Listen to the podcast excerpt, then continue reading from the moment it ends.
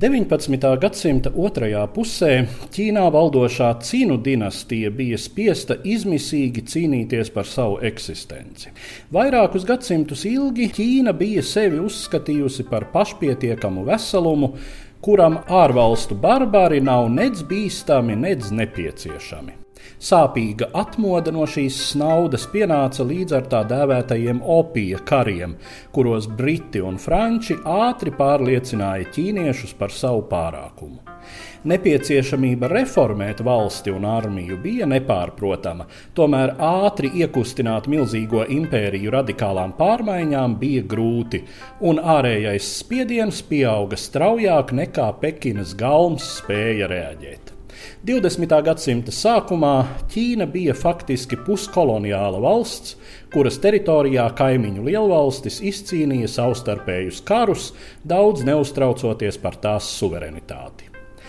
Konservatīvā muizniecība reformām pretojās, savukārt izglītotākajos slāņos un arī armijā arvien noteiktāk iesakņojās radikālu pārmaiņu idejas. Un pat ķīniešu zemnieku masas, kuras pagātnē bija pārliecinātas par imperatora varas dievišķo raksturu, arvien vairāk zaudēja šo pārliecību, ko veicināja arī vairākas dabas katastrofas, prasīdamas desmitiem un pat simtiem tūkstošu dzīvību. Var teikt, ka revolūcijas degvielas cinu impērijā bija uzkrājies pietiekamā daudzumā un vajadzēja tikai vienu dzirksteli, lai notiktu vispārējs uzliesmojums. Liktenīgā dzirkstele tiešā nozīmē paspruka 1911. gada oktobrī Učanas pilsētā Hubejas provincē. Učana bija viena no vietām, kurās koncentrējās Ķīnas militārā industrija un bija izvietoti lieli armijas spēki. Jaunā reformētā armija bija impērijas lielākā cerība, taču faktiski izrādījās tās kapracis. Armijā iestājās radikāli noskaņotie intelektuāļi un pārvērta to par revolūcijas perēkli. Vienai šādai nelegālai grupai Učanā cita starpā bija savs pagrīdes sprākstvielu cehs, Tur 1911. gada 10. oktobrī notika neparedzēta eksplozija. Saprotot, ka policijas izmeklēšana ātri vien viņus atmaskos, grupas dalībnieki uzsāka savās armijas daļās dumpi, kas izplatījās ar negaidītu straujumu. Kā tas mēdz gadīties, galvenie revolucionārās kustības vadoņi nebūtu nebija gatavi šim pavērsienam. Galvenais kustības revolucionārā alianse ideologs Suns Jatsens tobrīd nemaz nebija Ķīnā. Viņš apceļoja Savienotās valstis, vāgdams ziedojumus no turienes ķīniešu emigrantiem. Viņa galvenais sāncensis Huaņs Sins gatavoja sacelšanos citā Ķīnas daļā. Tā nu revolucionāriem trūka pietiekami ietekmīga un pieredzējuša līdera.